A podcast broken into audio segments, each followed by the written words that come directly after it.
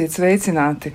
Grūti iedomāties, ka tie atklājumi vai arī tie priekšmeti, ko mēs izdomājam, lietot un pie kā mēs nonākam, un arī nu, atklājumi, kas sniedz mums kādu informāciju par kaut ko, un gal galā, kas rada kaut ko jaunu un ievieš kādas pārmaiņas mūsu dzīvē, reizēm tie ir sākotnēji ļoti, ļoti kritizēti. Nu, interesanti, ka, e, piemēram, inženieri Deivida Sarnova kompanjoni, tad, kad viņi atbildēja uz viņa aicinājumiem investēt radiorūpniecībā 20. gados, un viņš tiešām centās neatlēt iespējīgi pārliecināt investors, viņi teica, ka nav iespējams iedomāties, kāda komerciāla nozīme gan būtu muzikālai lādītei bez vadiem, kas maksās par vēstījumiem, kur nebūs adresēti konkrēti nevienam. Tiešām eh, nu, mēs varam teikt, ka viņam bija taisnība. Nu, Tātad Sarnovam bija taisnība. Tiešām muzikālā lādīta bez vadiem izrādās, ka ir vajadzīga daudziem cilvēkiem. Un tāpat arī eh, kino studijas Warner Brothers īpašnieks Harijs Warners 1927. Eh, gadā sakarā ar skaņu filmu teica tādu frāzi, kurš muļķis gan gribēs klausīties aktieru pļāpāšanu. Nu, arī šīs nav izrādījies taisnība. Un jāsaka tā, ka daudzi atklājumi vai arī zināšanas par um, mums pašiem, vai arī par nu, kādu zinātnes nozari, tiešām sniedz mums eh, ļoti, ļoti eh, nu, lielu prieku un dažreiz arī gan mūsu izklaidē, gan arī palīdz mums citās jomās, tostarp arī runājot par veselību. Nu, rekā, šodien mēs tieši par to arī runāsim. Mēs šodien atkal sirsnīgi runāsim par sirdi, un par sirdi ir jārunā sirsnīgi, par sirdi ir jārunā daudz, un par sirdi ir jārunā atkal. Nu, tā tas ir. Eh, tāpēc arī šodien runāsim, runāsim par to, nu, kā pasargāt pašiem sevi, un ka vajadzētu arī sākt rūpēties par sirdi daudz, daudz vēl pirms tam, pirms pati sirds sāk runāt. Vispirms būtu jārunā prātam, arī par to mēs nedaudz parunāsim šodien. Nu, ko tad sirds mazspējas mēnesis runājam par? To, kā sirds mazspēja varētu arī konstatēt, un kas ir tās pazīmes, kam būtu jāpievērš uzmanība. Un, protams, arī vēl dažādi citi jautājumi. Uzreiz arī pateikšu, ka kopā ar jums nu, šajā reizē ir Kristiāna Lapiņa, man jūs noteikti atpazināt, un arī pie skaņu pults ir Katrīna Bramberga, un arī viņa, es domāju, ļoti sirsnīgi domā par savu sirdi. Tas cerams, ka tā arī notiek. Un tur otrā pusē esat jūs klausītāji, bet savukārt studijā ir biedrības par sirdielvē vadītāja Ines Mauriņa. Sveicināt! Labrīt! Un vēl arī pie mums ir Iveta Mintāli, kardioloģija Latvijas Universitātes medicīnas medicīnas fakultātes asociētā profesora, Pauls Stradīna Kliniskās universitātes slimnīcas Latvijas kardioloģijas centra ambulatorās un diagnostiskās nodaļas vadītājs. Sveicināt! Labrīt. Nu, lūk, nu, kā tad ir? Sirds mazspējas mēnesis ir, eh, nu, viņš notiek, ja tas notiek pilnā sparā, ja nu tā latviski pareizi runājot. Kas tur notiek tieši un eh, kādas tad ir tās aktivitātes? Un sāksim ar to.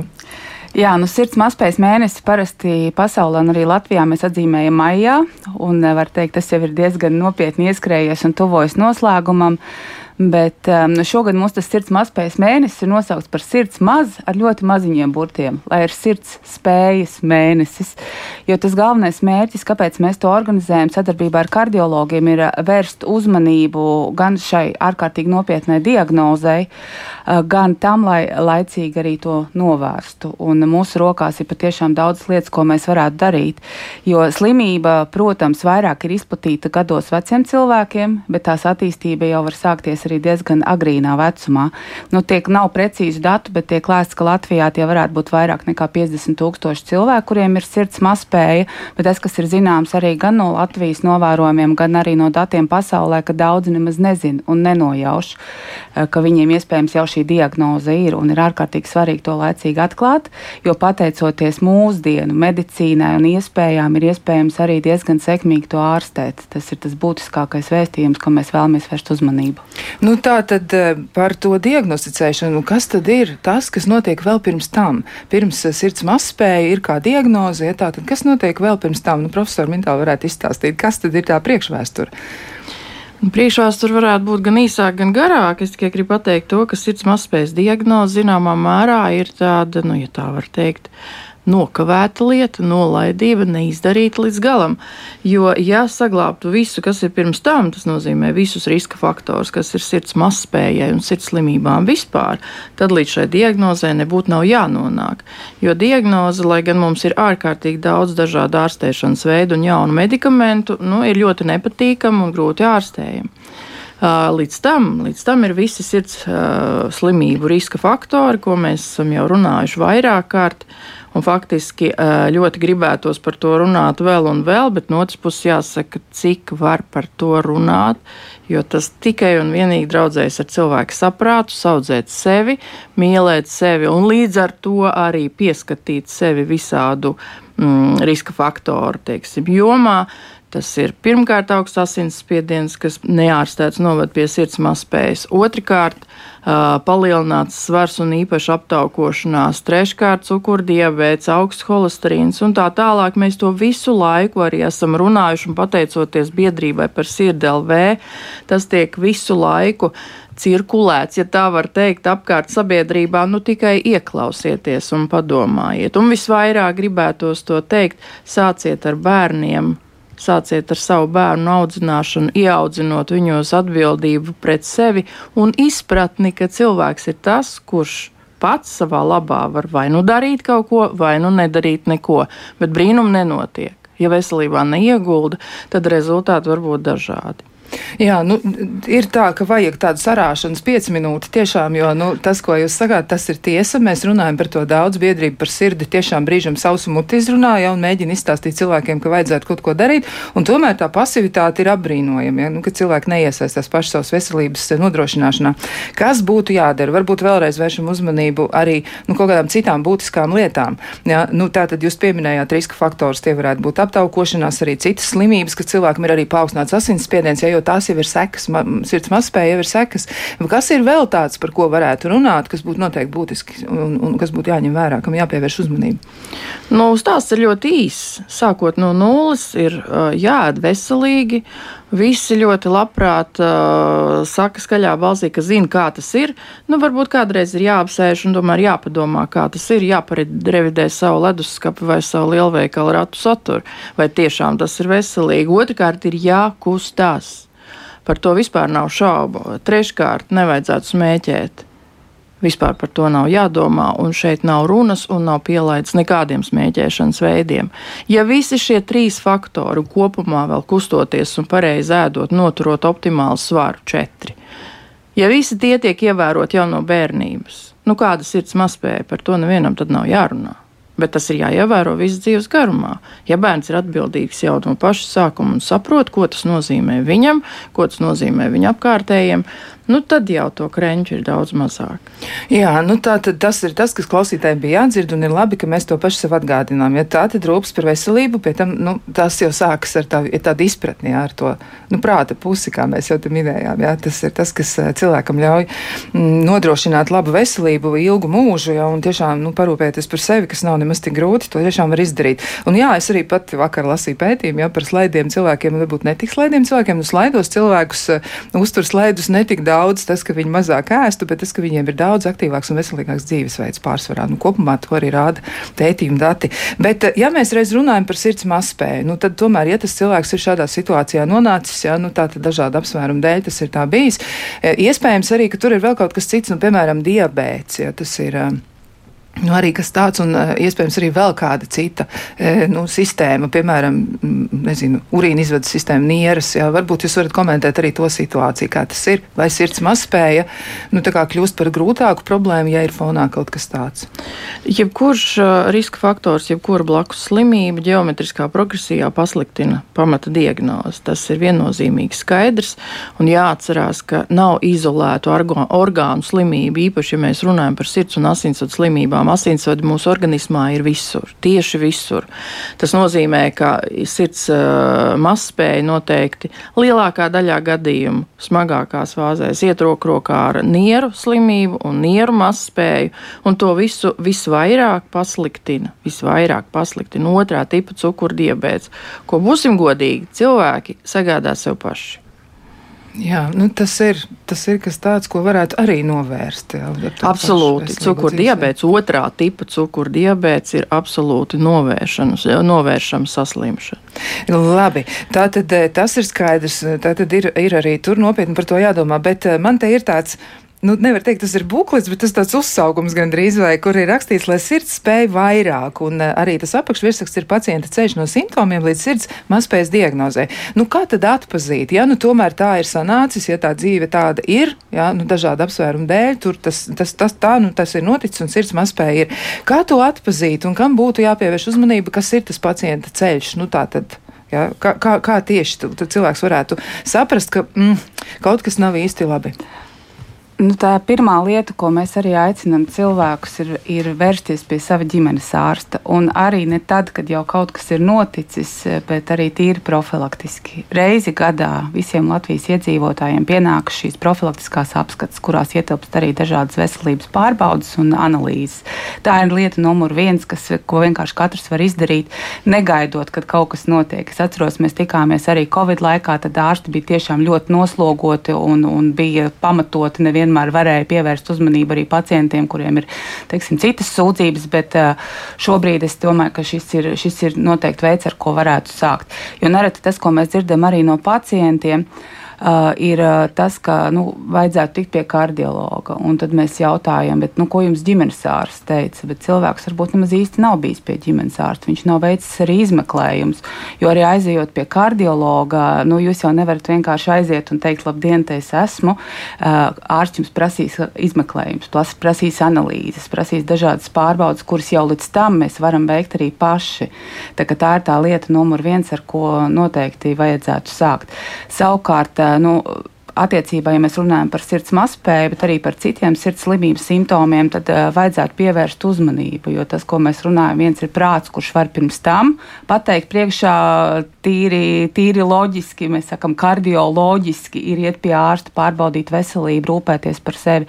Bet tad, kad jau ir jau kaut kādas pazīmes, neatstāt arī tās bez ievērības, arī šīs spiedošās sāpes krūtīs, piepampums, tūska, tās ir lietas, kas varētu liecināt uh, gan par sirds mazspēju, gan arī, protams, par citām slimībām, bet tās arī vajadzētu pārunāt ar savu ārstu, lai saprastu, kādi būtu tie nākošie soļi un izmeklējumi, kas būtu nepieciešami. Jo, kā jau teicu, arī sirds mazspējas diagnostika ir, ir krietni uzlabojusies, ja salīdzina ar, ar nezinu, gadiem kaut vai 10 vai 20 atpakaļ, un, un to slimību var laicīgi atklāt un ārstēt. Un tas viens no veidiem, e, Tā, tā tiek veikts teiksim, analīzes, tiek veikta elektrokardiogramma, ja tas ir nepieciešams. Uh, tiek veikta ehokardiogrāfija tiem pacientiem, kam tas ir nepieciešams. Eh, doktori noteikti varētu vairāk precizēt. Un ir tāds izmeklējums kā natriurētiskie peptīdi, kas ir asins analīze, kas arī var eh, norādīt uz, uz sirds mazspējas iespējamību. Un šis savukārt ir vēl viens cits stāsts, kas ir tāds akmens arī arī mūsu valsts lauciņā, jo šī analīze teiksim, netiek kompensēta. Un cilvēki, un nereti mums pacienti ir atklājuši tieši sirds mazspēju pateicoties šai analīzē, bet ir maksājuši paši. Tas ir stāsts, ko mēs arī vēlamies aktualizēt, lai šādi izmeklējumi pacientiem tiktu valsts kompensēti, lai diagnozi tik laicīgi atklātu un ārstētu, tāpēc ka šādā veidā var novērst daudz smagākas sakas.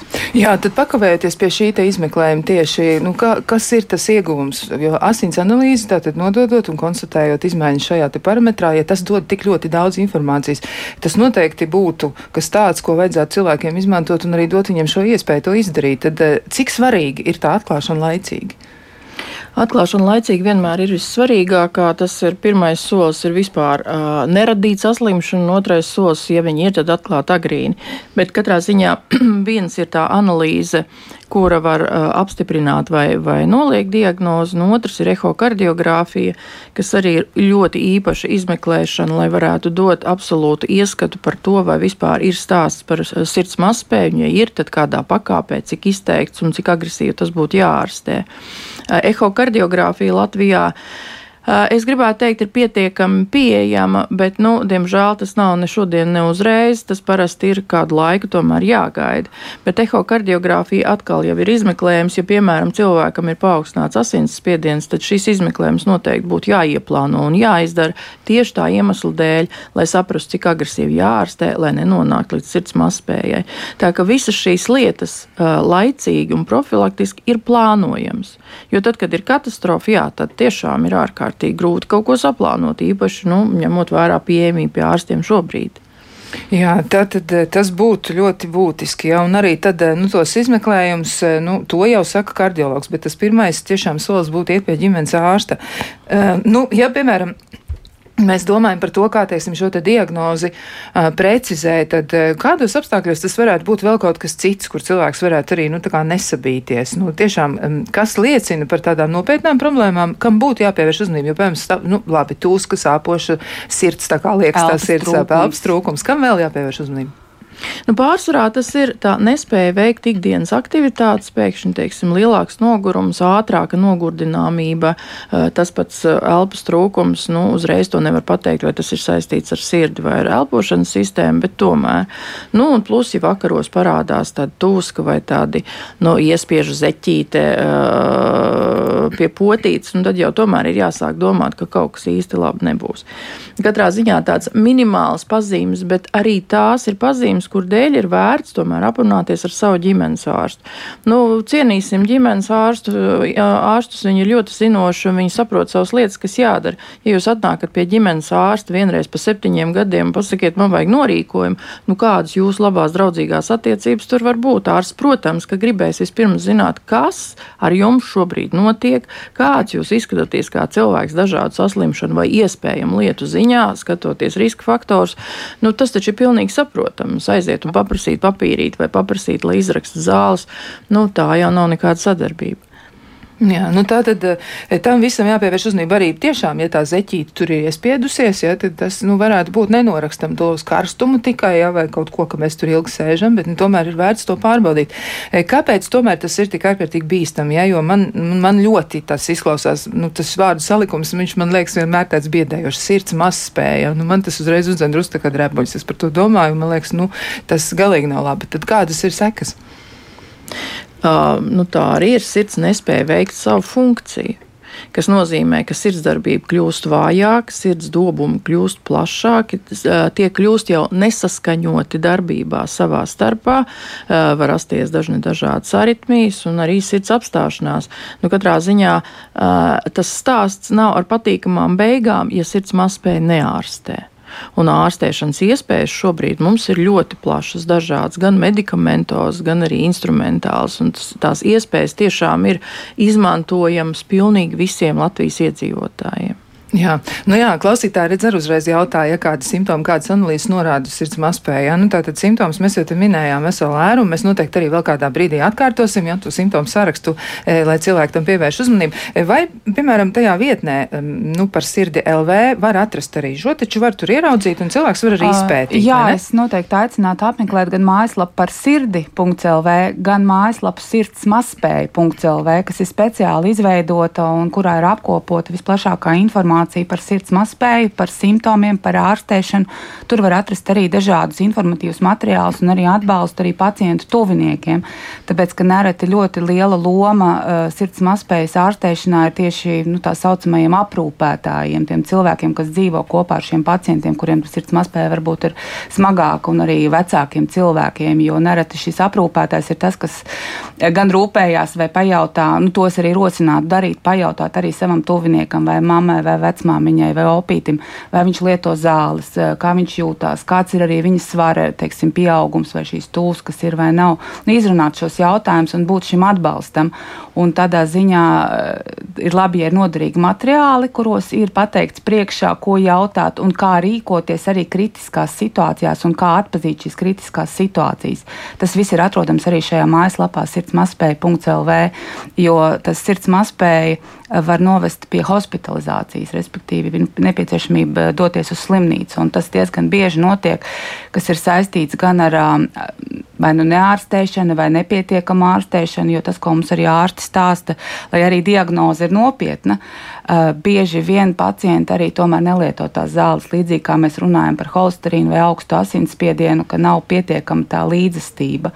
Tā ir arī ļoti nopietna problēma, pat ja slimība ir diagnosticēta un ārstēšana ir uzsākta, jo pie sirds mazspējas arī ir jāsako gan rūpīgi līdz izmaiņām, tur arī zāles dažkārt ir vai zāļu devas jāpamaina. Tas ir tas, ko būtu labi arī pārunāt, tāpēc arī regulāri ar ārstu un arī pašiem sekot un tuviniekiem sekot līdzi. Jā, nu tā tad ļoti, ļoti nopietni tas viss ir jāuztver. Ja mēs domājam arī par vienu konkrētu parametru, piemēram, par asinsspiedienu, nu, es ka nekaitētu vēlreiz pateikt, ja, ka tur nu, tā daudz mīti ir attiecībā uz asinsspiedienu joprojām, un tas ir arī kaut kas tāds, kas, man liekas, nu, ir jāsaka atkal un atkal un atkal, ka asinsspiediens nav kaut kas tāds, ko mēs varam izdomāt. Ja tagad būs, ir zemāks, tagad ir labi, un tad uz vecumu būs augstāks, paredzot to, ka tas būs augstāks, tāpēc, ka patiesībā tur ir radušās problēmas, ja, un tas būtu jāuztver nopietni. Nu, profesor, pasakiet lūdzu vēlreiz, kas ir ar asinsspiedienu, un kāpēc tas būtu nu, jāzina. Jā. Nē, nu tad, kad jebkuram uz ielas pajautātu, kāds ir normāls asinsspiediens, es varu galvot, viss teikt 120 uz 80, un nekas šai dzīvē nav mainījies attiecībā uz asinsspiedienu, jebkurā vecumā. Bet tas, kā jūs sakat, ka uz vecumu varētu būt spiediens augstāks, nē, uz vecumu spiedienam ir jābūt 120 uz 80, tas varētu būt vēl līdz 130, bet ne augstāks. Bet uz vecumu, nu, likt varētu to visu pēdiņās, bet ar laiku ir jāsaprot, kā ar gadiem cilvēkam attīstās ateroskleroze, vai mēs to gribam vai ne nē, un ja 65 gados cilvēks nekad mūžā nav bijis aizgājis pie ārsta vai izmeklējis savu sirds un asinsvadu sistēmu, nu tas nu gan varētu šķist dīvaini.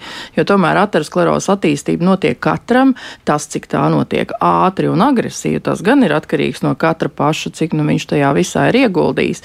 Un jāsaka, ka gēniem šeit ir diezgan maza nozīme, tomēr vislielākā nozīme, un tagad tas absolūti ir pierādīts, ir cilvēka dzīvesveidam, kas nozīmē, ka attieksmei pret savu veselību. Nu, ja cilvēks domā, es negribu slimot ar, cukurdiabētu, uh, sirdsmās spēju, uh, insultu, infarktu un tā tālāk. Nu, tā tad viņš jau ir sācis domāt un grib saprast, kā tad īsti katra viņa darbība atbalsojas organismā. Jo organisms atbild ļoti viegli un ļoti vienkārši.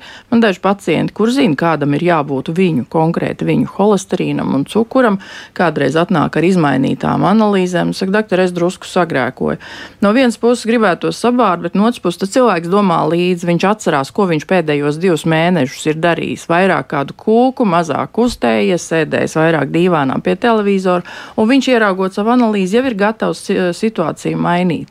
Bet, ja tagad jaunāki cilvēki saka, ah, dzeru pārāk daudz vīna, jāiet pārbaudīt aknas, bet neviena vārda nav par to, ka varbūt vajadzētu paskatīties holesterīnu drīzāk un tad domāt, vai nav kaut kas nepareizi ar ēšanu un, un, un tagad jāsaka sestdien, svētdien ballītēm ārā. Nu, Nu, gribētos ļoti samainīt to visu. Gribētos ļoti samainot, samainīt visu uz loģisku pieeju savai konkrēti savai dzīvei. Jā, nu, rekā, tā tad 120 uz 80 visu dzīvi, darbie draugi, ja nebūs te nekādas tādas idejas par to, ka kaut kas varētu kaut kā mainīties un var tam nepievērst uzmanību. Tā tad uh, viens cipars un atceramies to, un tā tas arī ir. Bet uh, jautājums ir arī par to, ko nozīmē, nu, tā kā, ja tas parametrs mainās, jā, vai nedaudz zemāks spiediens, piemēram, 40 gadu vecumā arī ir kāds simptoms, ja mēs vienmēr runājam par augstāku spiedienu, ka tas ir riska faktors, bet kā tad ir ar zemāku spiedienu? Jo tā arī patiesībā ir problēma. Um, jā, tiem cilvēkiem, kuriem ir zemes spiediens un viņi viņu īsti netolerē, tā ir problēma. Uh, zemes spiedienu tā īsti ārstēt Nu, mēs neārstējam, gribētu teikt tā. Visdrīzāk parasti ir ieteikumi uh, vairāk fiziski aktīvi darboties ikdienā, drusciņi trenēt to spiedienu, drusciņi norūdīt spiedienu dažādās situācijās. Nu, protams, ja ir ārkārtīgi karsts un sutīgs laiks, tad arī spiediens var nokrist drusku zemāks. Nu, tad gan diez vai būs iespējams kādas fiziskās aktivitātes. Bet, bet katrā ziņā pazeminātu spiedienu visdrīzāk mēs mēs nu, aicinām tomēr cilvēku vairāk fiziski aktīvi darboties un drusku norūdīt un nostiprināt gan savu uh, fizisko spēku, gan arī uh, līdz ar to veģetatīvo nervu sistēmu, kas varbūt par to ir vairāk atbildīga. Jā, tā varētu būt.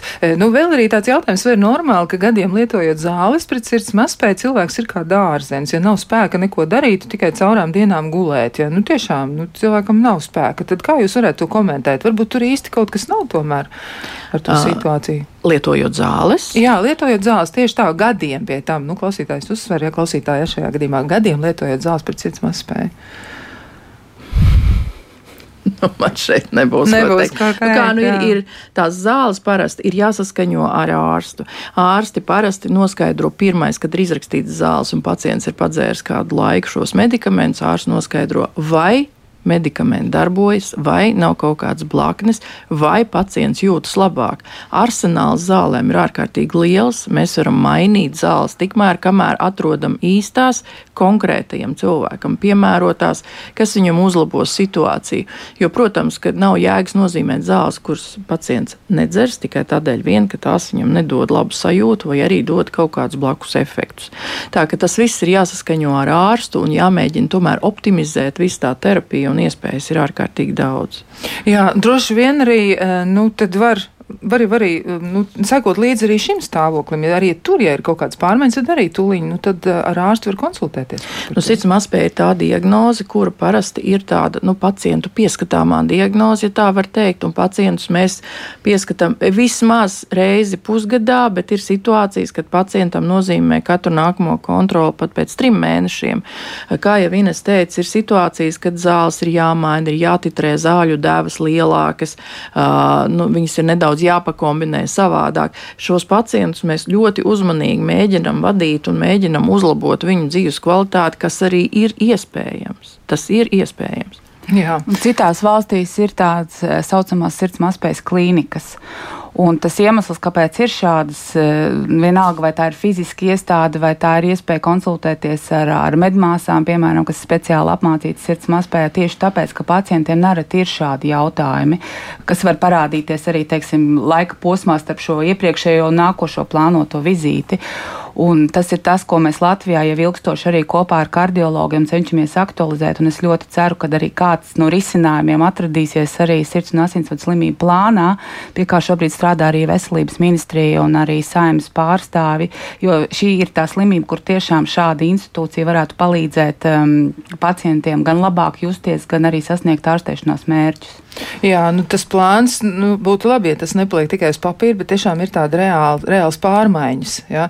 Un vēl arī, nu, ja jau mēs par to politiku tā mazliet ierunājāmies, ja tad vēl jau pāris teikums var par to pateikt, ja? jo droši vien arī nu, politiķu, ja blēmē varas, nu, kā saka, rokās ir tas, lai arī tiktu sadalīti resursi, nu, atbilstoši tam, kas varētu uzlabot reāli šo situāciju, ja? lai pacienti nonāktu tomēr. Nu, jā, nu, tas galvenais vēstījums ir tāds, ka mēs saprotam, ka mēs dzīvojam sabiedrībā, kas uh, novada noveco, ja cilvēki dzīvo ilgāk. Mēs varam teikt, ka mēs esam ilgāk jauni, bet skaidrs, ka parādās arī, arī šīs dažādas slimības. Pat ja mēs veselīgi dzīvojam, protams, tad šīs iespējas ir vairāk, bet mēs zinām, ka šobrīd jau šie pacienti ir un viņi jau nekur nepazudīs un viņu skaits palielinās.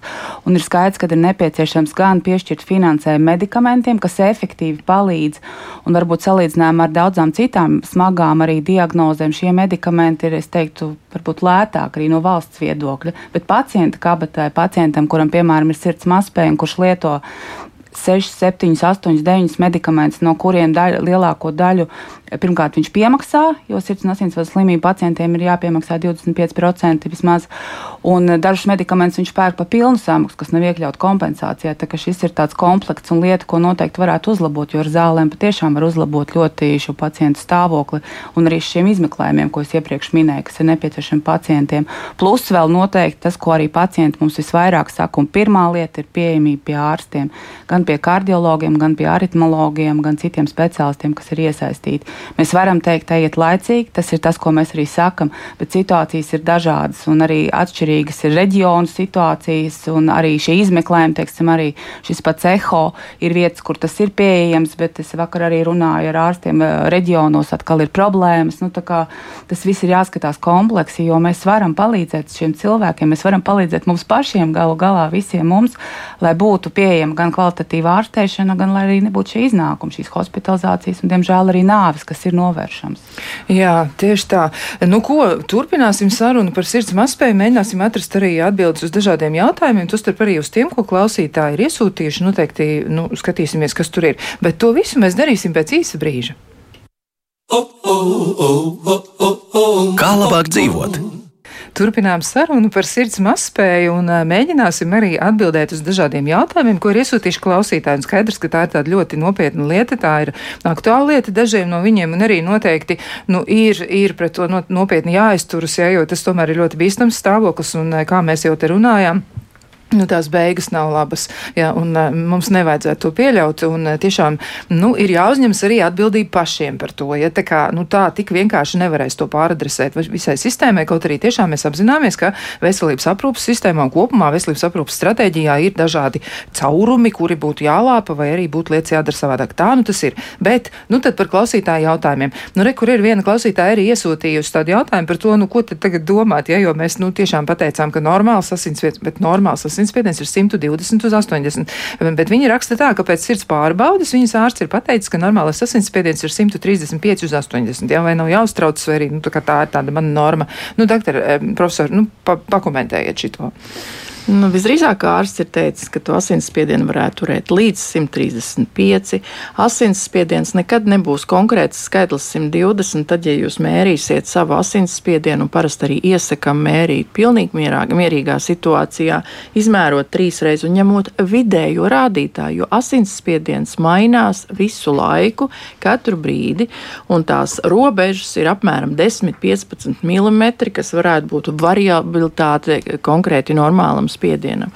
Plus ir dažādas nianses, ko tikai jūsu ārsts jūs izmeklējot, zinās un sapratīs jums teikt, cik drīkst būt pieļaujamais spiediens, kā jūs viņu panesat, kā ir, kad, teiksim, tiek mainīti medikamenti, attiecībā arī vecums un zemes spiedienu tolerēšana. Tur ir dažādas lietas. Tieši tādēļ viens ir kopīgais stāsts par to, kāds ir normāls spiediens, un otrs ir katra cilvēka nianses, ko noteikti atzīmēs ārsts jūs izpētot.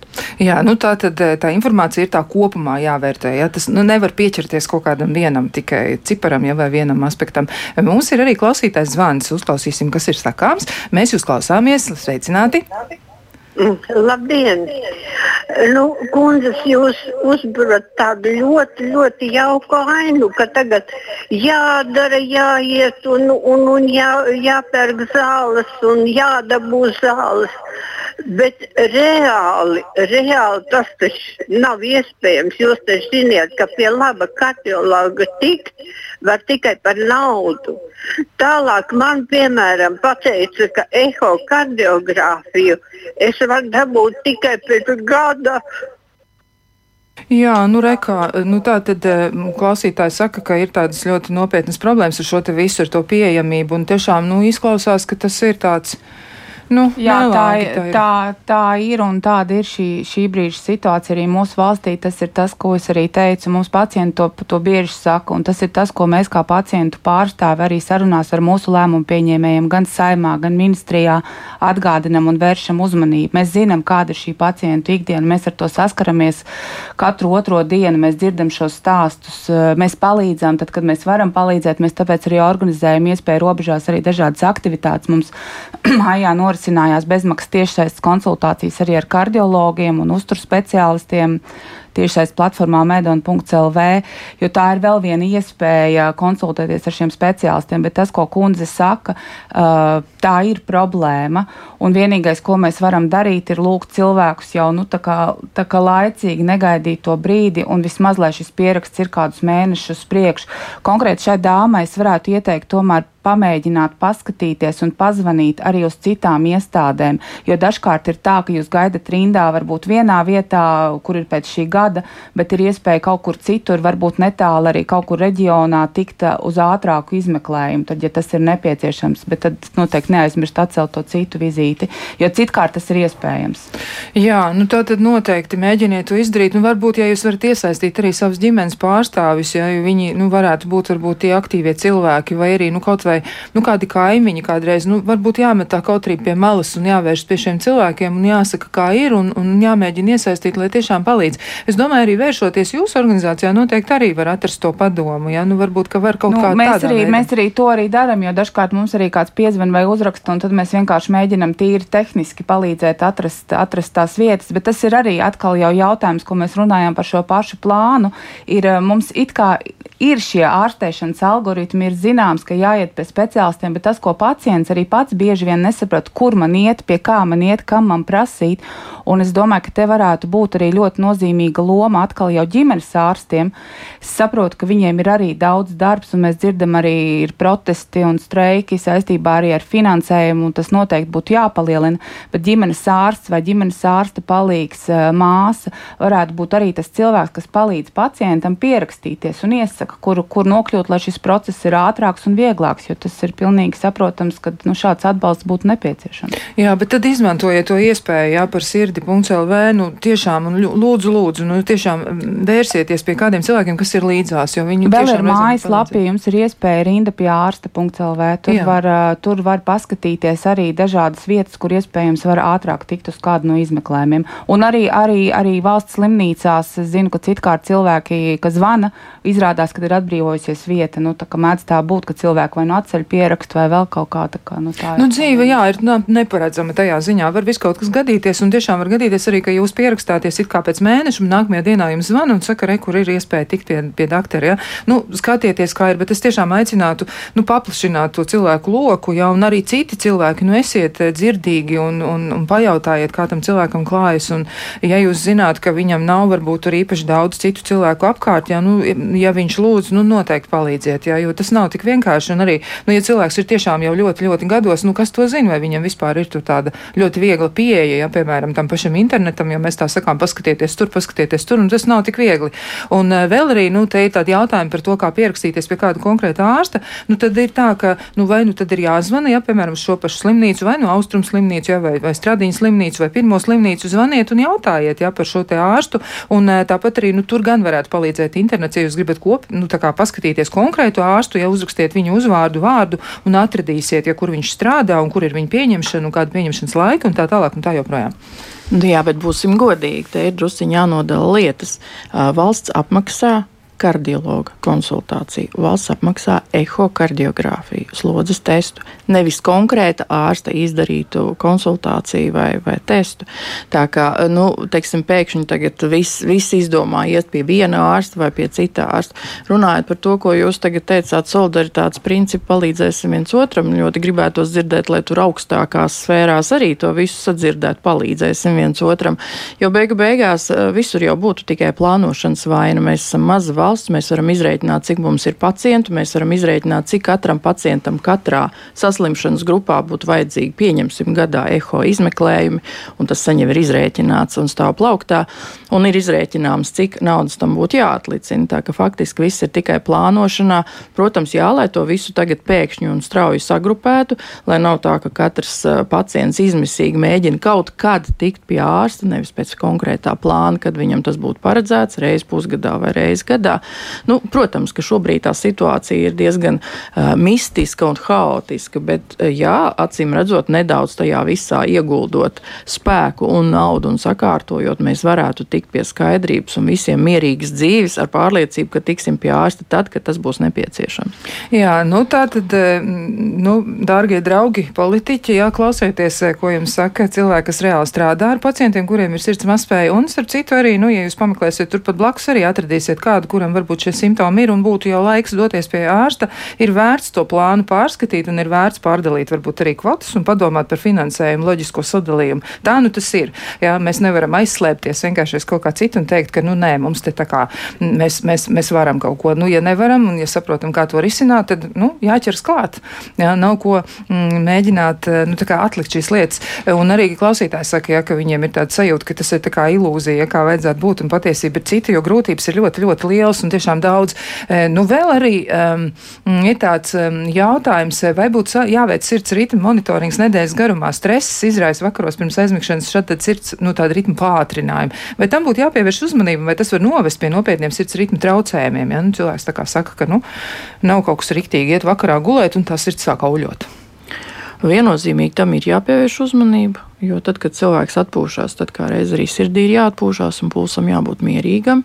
Ja tas ir uh, vienīgi stress, uh, tad tas kā riska faktors var izraisīt arī vēlāk paaugstinātu asinsspiedienu, arī izmainīt vielu maiņu, kādreiz sāks emocionāla ēšana un, un, un līdz ar to arī solis pretī vielmaiņas problēmām. Bet katrā ziņā pātrināts pulss, varbūt ne uzreiz tieši par sirds ritmu traucējumiem varētu liecināt, bet varētu liecināt par to, ka tā dzīve nav saplānota īsti pareizi, ka nav atslodzes, teiksim, pēc darba. Vislabākā galvas izveidināšana, stresa noņemšana tomēr ir fiziskās aktivitātes pirmām kārtām, bet ja tās lietas jau ir tik lielas, ka tās traucē normāli justies, atkal pirmais solis - jūsu ārsts. Viņš zinās un pateiks, kas ir nākamais solis jādara. Nu, lūk, bet ir arī jautājums jā, par to, nu, cik tad, eh, piemēram, šī primārā veselības aprūpe ir nu, tāda nu, tā palīdzoša. Jā, un jautājums ir ļoti konkrēts, kā viešņas vērtē primārās aprūpes speciālas zināšanas par sirds mazspēju. Un eh, klausītāji raksta, nu, tas ir viņas stāsts, un stāsts patiesībā ir nu, tāds ļoti, ļoti traģisks, jo mamma ļoti ilgi sūdzējās par elpas trūkumu, bezspēku, bet ģimenes ārste teica, ka tas ir viņas galvā. Viņai bija sirds mazspēja un vajadzēja sirds stimulātoru. Jā, nu, tā ir ļoti drūma situācija patiesi, ja, tad kā tas dažreiz nākas, ka tā ir. Varbūt arī šaubu gadījumā tomēr ir vērts arī nu, apjautāties vēl kādam citam speciālistam, jo nu, šī nav laba lieta. Nu, parasti uh, uzstādot sirds mazspējas diagnozi, uh, ir uh, algoritmi, pēc kuriem ģimenes ārsti arī sūta uz pārbaudēm, un vienmēr pārbaudas, kas attiecas tieši uz šo diagnozi, izdara kardiologi. Tā ka tālāk nākamajam solim noteikti vajadzētu būt uh, nepieciešamajiem izmeklējumiem, sākot ar ehokardiogrāfiju un beigās beidzot arī varbūt ar asinsvadu izmeklēšanu un arī dažādiem aritmoloģiskiem izmeklējumiem. Bet, nu, katrā ziņā um, vienkārši tikai no sūdzībām vien, vai kā es parasti saku, paskatoties acīs, to visu noteikti nevar. Tur ir vajadzīgi izmeklējumi, konkrēti izmeklējumi, kurus zina gan ģimenes ārsts, ir viens līmenis, ko var noteikt un nosūtīt ģimenes ārsts, un tālāk nākamais, tad, kad pacients tiek uz kardioloģiskiem izmeklējumiem, tad jau tālāk uh, virzību nosaka kardiologs.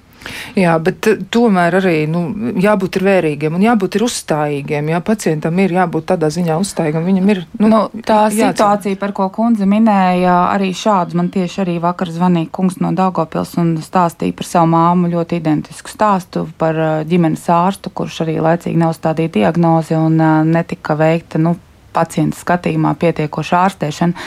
Bet um, es gribētu teikt, ka ārsti ir, ir, ir ļoti, ļoti zinoši. Regulāri notiek arī dažādas apmācības, arī kardiologi un citi speciālisti arī apmāca ģimenes ārstus. Un ir ļoti daudz labi pieredzes stāsti, kur mēs redzam, ka cilvēkam redz, kā atklāja, un viss ir labi, un viņam jau ir pagājuši jau 10, 15 gadi. Viņš ir, neteiksim, pilnībā vesels, bet dzīvo kvalitatīvi, jo viņam ir laicīgi uzstādīta diagnoze, ārsts ar viņu strādā, un ir ļoti laba šī sazobe un sadarbība. Tā kā ir ļoti daudz šādu labu pozitīvu piemēru. Bet, protams, mēdz būt arī atsevišķi izņēmumi. Un, nu, tas, ko mēs varam aicināt, un tas, ko mēs darām, tāpēc mēs cenšamies izglītot cilvēkus pašus, lai cilvēki paši zinošāk, lai viņi zinātu, ko jautāt ārstam, lai viņi zinātu, ko prasīt, lai viņi zinātu, kur vērsties. Un dažkārt varbūt arī tiešām ir nepieciešams šis vēl viens viedoklis, nu tad arī, arī, arī to darīt un neatstāt bez ievērības. Jo arī par ģimenes ārstiem runājot, šis jautājums jau ir aktualizēts agrāk. Nu, ja jums nav, ja jūs jūtat, ka ārsts varbūt pietiekami ar jums nepievērš uzmanību vai nestrādā tā, kā jūs gribētu, vai nesagaidat, eh, pacientiem ir tiesības arī ģimenes ģimenes ārstus eh, mainīt. Eh, tas, protams, rada problēmas arī reģionos, kur šie ārsti ir ļoti maz, bet uh, tomēr ir vērts apsvērt arī šādu iespēju, jo, kā jau mēs teicām, ģimenes ārsts ir viens no svarīgākajiem. Viņš ir, tajā, viņš ir jūsu ģimenes ārsts, viņš ir jūsu ģimenes savā ziņā loceklis, uh, kurš ir, nu, ar kuriem jums jābūt ir labām attiecībām. Jā, nu, tas ir apusēji, un tam ir jābūt apusēji. Es tieši gribētu teikt, nu dzīvosim draudzīgi. Ja jūs ienākat ārsta kabinetā, kabinetā un kliedzat par visām nebūšanām, kas līdz šim medicīnā jums ir pieredzēts, nu draudzība nesanāks, un tur ir jābūt sadarbībai un tiešām nu, tādai cieņai vienam pret otru. Mēs esam pieraduši Latvijā tik daudz runāt par dažādām negācijām, bet nu, vispirms uzklausām viens otru, un tad mēs sapratīsim, kā labāk to lietu risināt. Un arī ģimenes ārsti pie mums tiešām ir brīnišķīgi, un, un negribu salīdzināt ne ar vienu citu valsti, bet beig beigās pareizi Ines teica, mēs ļoti daudz kopā strādājam ar ģimenes ārstiem un izglītības pasākumi, eh, kuros tiešām ir entuziasti speciālisti, kas to visu dara, un paši ģimenes ārsti ļoti labprāt arī mācās dzīvot dzīvo līdz laikam, mācās jaunās zāles, jaunās izmeklēšanas metodas. Tā ka faktiski nu, atliek tikai tiešām sadarboties un gribētu pieminēt vēl vienu lietu, atkal to, ar ko mēs sākām. Nu, pašu atbildība. Nenovelkat līdz pēdējiem brīdim, tad, kad nevar vairs iespēt ļoti ātri visus izmeklējumus izdarīt. Jā, bet nu, tiešām rūpes par sevi atbildīga attieksme, bet arī tiešām, ja jūs jūtat, ka nu, ir kaut kā tā, jums, jums nav tās attiecības tiešām, un, un šai gadījumā tas varbūt nebūtu pat par to, ka jūs būtu tāds paviršs un neiesaistīts, bet jūs jūtat, ka kaut kas nav īsti labi, nu tiešām domājiet par to. Varbūt jums ir tiešām vajadzīgs cits viedoklis un uzstājiet uz tām lietām, pievērsiet sev uzmanību. Arī tas ir rūpes par sevi, ja, un noteikti, noteikti to dariet. Nesamierinieties ar to, ka jums saka, lūk, tas viss ir jūsu galvā, jo var tā gadīties, ka tā ir, bet var gadīties arī, ka ir pavisam citādi. Jā, tā kā noteikti, noteikti to vajadzētu mēģināt izpētīt un, un darīt kaut ko. Nu, vēl arī tāds jautājums ir, ka regulāri ļoti augsts pulss, ja 90 eh, un, un savukārt spiediens ir normāls. Ja, nu, droši vien, ka tur arī tomēr ir jāpievērš uzmanība. Ja Absolūti, jo pulss, ja tas ir ātrāks par 75 reizēm minūtē, tad noteikti vajadzētu izmeklēties. Tur varētu būt dažādas lietas, vai nu sirds asinsvadu saslimšana, vai arī kāda hormonāla saslimšana, piemēram, vai rokdziedzera problēmas. Katrā ziņā tas noteikti ir jāpārbauda, un ģimenes ārsts viennozīmīgi zinās, ar ko sākt šajā situācijā. Jā, nu jā, nu vēl klausītāji arī komentēja un drusciņ to sociālo un politisko lietu. Jā, nu, tad labrīt visiem gribēju komentēt ieteikumu meklēt pieejamos speciālistus un izmeklējums vietnē rinda pie ārsta.lv. Un itin bieži šajā vietnē var atrast brīvas vietas, bet pieteikties nav iespējams, jo šeit tiek parādīts tikai piešķirtās un neizlietotās kvotas, nevis fiziski pieejami pakalpojumi.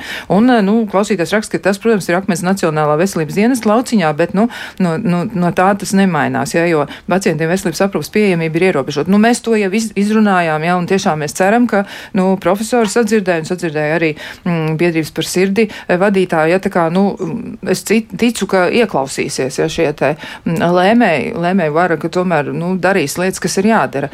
Mm, jā, nu, vēl arī par to pašu zemo asinsspiedienu. Jūs arī, profesori, minējāt, ja, ka tur vajag grūdīt sevi, ja, un tad mēģināt ar to darboties, bet, nu, te tāda situācija, ja zemes asinsspiediens, jo augšējais ir bijis pat ap 90, ja, nu, tā kā sistoliskais spiediens, ja, un zāles es eh, lietoju citām problēmām, un tās tā kā pazemina to spiedienu. Ja, un ko tad darīt šādā situācijā? Nu, atkal jau droši vien tas ir konkrēti pie savā ārsta jārisina? Jā, protams, ir jāiet pie ārsta, jānoskaidro uh, dažādu orgānu funkcijas. Iespējams, jā, ka tur varētu būt zāļu miedarbības rezultāts un, un dažādas lietas, jo es runāju par pazeminātu asinsspiedienu pārsvarā normāliem cilvēkiem, runājot par profilaksi, bet uh, jauniem cilvēkiem jo īpaši, un par to parasti sūdzās jaunas sievietes. Bet, ja tas ir jau ārstējot slimību, tad, protams, ka kopā ar savu ārstu, tas, kā jau es iepriekš teicu, zāles tiek lietotas, lai būtu labāk. Labāk. Ja kaut kas nav tā, kā ir gaidīts, tad noteikti jāsaskaņo ar ārstu. Zāles var mainīt, izmeklēšanas izme metodas arī ir dažādas, lai noskaidrotu, kāpēc ir šāda reakcija. Jā, nu tā tad tas ir izpētīšanas vērts. Nu, vēl klausītāji arī drusciņai nu, pauž tomēr savu skepsi un arī pieredzi, ja, un viens no klausītājiem raksta tik skaisti jau nav, kā šodien reklamēt, kamēr netiks uzsākt ārstējošo personu darbu kvalitātes izvērtēšanu, varēsiet, un kā viņš raksta, grūst miljonus eiro sistēmā, cik vēlaties, būsim tikpat kā pēdējie Eiropas Savienībā, ja, un viņš arī. Jā, šis komentārs ir arī ļoti vietā, un tas mm -hmm. ir mhm. arī tas, par ko šorīt, šobrīd noris eh, diskusijas par, eh, par šo ārstēšanās rezultātu, jo mēs ļoti labi saprotam, pacientam nevajag mani ārstē, pacients grib būt vesels. Tas ir tas rezultāts. Un arī par to norit diskusijas, lai arī tiktu arī savienot šis, eh, šis ieguldījums ārstēšanā pret to rezultātu. Par to ir arī. Jā, jā, un klausītāji arī mēs noteikti varētu uzmundrināt, ja, jo viņš raksta, ka tur, nu, tur tajā vietā, kur viņš dzīvo, ja ģimenes ārstu attieksmi, kā viņš raksta, nu, ir, nu, viņš raksta tā, kā, kā viņš to, nu, ir novērojis un kā viņš to kvalificē, viņš saka drausmīga, ja, nu, tad noteikti dariet lietas labāk kaut ko, kaut vai rakstiet dariet, cīnieties, dariet, jo, jo mēs darīsim vairāk, jo labāk arī būs visiem. Un tas ietver gan to profilaks, gan rūpes par sevi, un jau sākot tiešām no bērnības, gan arī tad, ja tā problēma ir attīstījusies, jo situācijas ir dažādas, ja un vienmēr mēs nevaram teikt, ka tas labais dzīvesveids ir tikai tas, kas to nodrošina, ja kādreiz arī kaut kas notiek, nu, varbūt visādi, bet droši vien, nu, vairāk jādomā par sevi. Nu, ko, nu, tad sirds mazspējas mēnesis ja, turpinās, mēģinām vairāk pievērst uzmanību šim visam, nu, ceram, ka m, mm, dažas atbildes jums bija noderīgas un arī kopumā mēs jums eh, nu, devām tādu uzmundrinājumu. Nu, šajā mirklī teikšu paldies biedrības par sirdēlē vadītāji Inesē Mauriņai un arī Ivietai Mintālē, kardioloģijai, Latvijas Universitātes medicīnas fakultātes asociētie profesorai, Pauls Tradiņa Klīniskās Universitātes slimnīcas Latvijas kardioloģijas centra ambulatorās un diagnostiskās nodaļas vadītāja. Nu, lūk, un e, tikai gribu atgādināt, ka rīt jūs varēsiet runāt par dārza darbiem, un e, tas ir tik jauki, tas arī savā ziņā relaksē, un arī tas iedod daļu veselības. Noteikti neaizmirstiet, ka tad, kad esat dārzā un spīd tā traka saule, nu tad e, uzlieciet cepuru galvā, apsieniet lakatu un noteikti nosmērējieties ar sauļošanās krēmu, ja pareizāk sakot, ar krēmu tēmu, kur ir kaut kāda aizsardzība pret sauli. Viss nav tik vienkārši. Jā, mēs par to arī esam runājuši. Lūdzu, lūdzu, parūpējieties par sevi. Nu, ko, nu šajā brīdī mēs atvadāmies. Paldies sirsnīgs gan Katrīnai Brambergai, kur rūpējās par skaņu, gan Ievai Zeizai, kura bija šī raidījuma producente. Un paldies arī, ka klausījāties. Mēs ar jums tiksimies atkal kādu citu reizi un domājiet sirsnīgi par to savu sirdi. Lai jums laba diena!